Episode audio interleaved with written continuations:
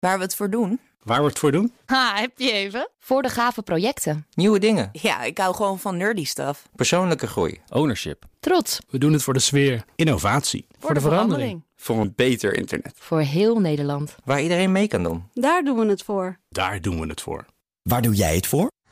Kom werken voor KPN en groei op jouw manier. Check de actuele vacatures op het gebied van data, security, development en networking op jobs.kpn.com/tech.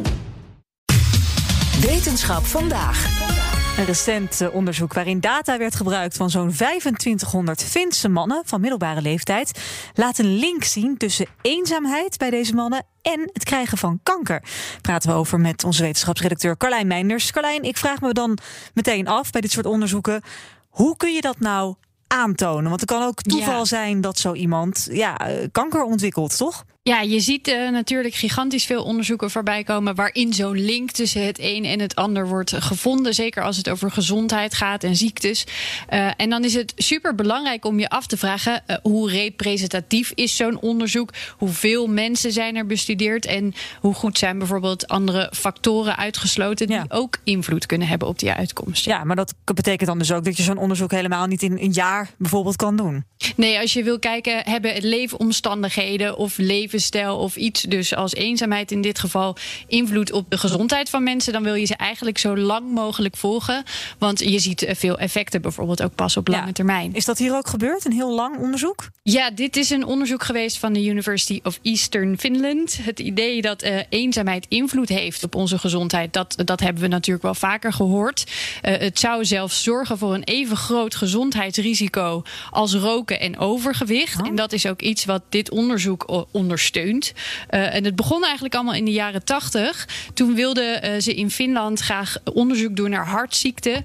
En toen zijn ze die eh, 2570 mannen van middelbare leeftijd uit Oost-Finland eh, gaan eh, bestuderen. Daar hebben ze heel veel data van verzameld. Er volgde eh, in latere jaren nog twee keer een follow-up. En eh, deze nieuwe studie heeft de data tot en met 2012 gebruikt om nu dus naar eenzaamheid te kijken. 2012, dat was een tijdje geleden al. En alleen dus mannen. als ze, ja, ja, ja, inderdaad. eh, die toen al van middelbare leeftijd waren. Eh, daarvan is dus de lichamelijke en geestelijke gezondheid bijgehouden. Dat gebeurt nog steeds. Overigens, ze doen de mannen deze die mannen? nog leven. Ja. Ja, die eh, doen nog steeds mee aan dit langlopende onderzoek. Maar wel helaas dus alleen maar mannen in. Maar was daar een reden voor dat ze vrouwen niet nodig hadden in dit onderzoek? Ik denk dat dat iets met de, de onderzoekscultuur ook toen, toen te maken heeft gehad. Oh, ja. Heel veel medicijnen zijn natuurlijk ook lange tijd alleen maar op mannen getest. Dat Ja. was toen wat logischer. Kan ook zijn dat het risico daarbij al groter was. Dus dat ze die groep interessanter vonden toen. Eh, maar eh, de, ik vind, en de onderzoekers zelf ook, die vinden dat ook een gemis hoor. Dus Ja. er komt vast nog een gemixt, in ieder geval gemixte studie. Ja, ongetwijfeld. Maar goed, dit is dus vooral procedureel. Laten we even naar het onderzoek zelf kijken. Wat hebben ze gevonden? Ja, eh, ze zagen dat ehm, uiteindelijk 25% van de deelnemers kanker had gekregen. 11% van dat totale aantal was inmiddels daaraan overleden. En ze zagen dus dat eenzaamheid en sociale isolatie de kans op kanker met 10% verhoogden. Maar dan vraag ik me dus af hoe je dat dan meet. Ja, het is een heleboel statistiek. Je moet voor veel controleren, zodat je zo zeker mogelijk weet dat het niet door iets anders is gekomen. Onderzoeker Cyrili Sikra vertelt waarvoor ze gecontroleerd hebben. lifestyle factors such as smoking and alcohol and exercise, sleeping, diet. We controlled for heart disease and uh, low grade inflammation and also depressive symptoms at the baseline. Dus ze kijken gewoon eigenlijk naar alles. Ze kijken gewoon naar het complete plaatje leeftijd, van die man. Ja, levensstijl, dieet, alles wat eventueel ook van invloed zou kunnen zijn. Maar al die dingen speelden daar geen rol bij. Nee, nee, het is niet zo dat die factoren natuurlijk geen invloed hebben op de gezondheid. Maar daar hebben ze hier niet naar gekeken. Ze hebben ge- de focus gelegd op eenzaamheid. En er bleek nog iets eh, uit eh, dit onderzoek: dat de kans op overlijden aan kanker, daar hebben ze ook nog naar gekeken, hoger was bij patiënten die eh, waren. Die dus single of weduwnaar of gescheiden waren. En wisten ze ook hoe lang iemand bijvoorbeeld dan eenzaam is geweest voordat het dan dit effect optreedt? Nee, dat weten ze niet. Eh, Dat is ook een groot gemis, vinden de onderzoekers zelf ook. Er is niet bijgehouden hoe lang die periode van eenzaamheid dan per persoon was en hoe dat door de jaren heen is veranderd. Ehm, dus zonder die data kun je daar nu niks over zeggen. Nee, het lijkt me ook best moeilijk om te bepalen in welke mate natuurlijk iemand eenzaam is.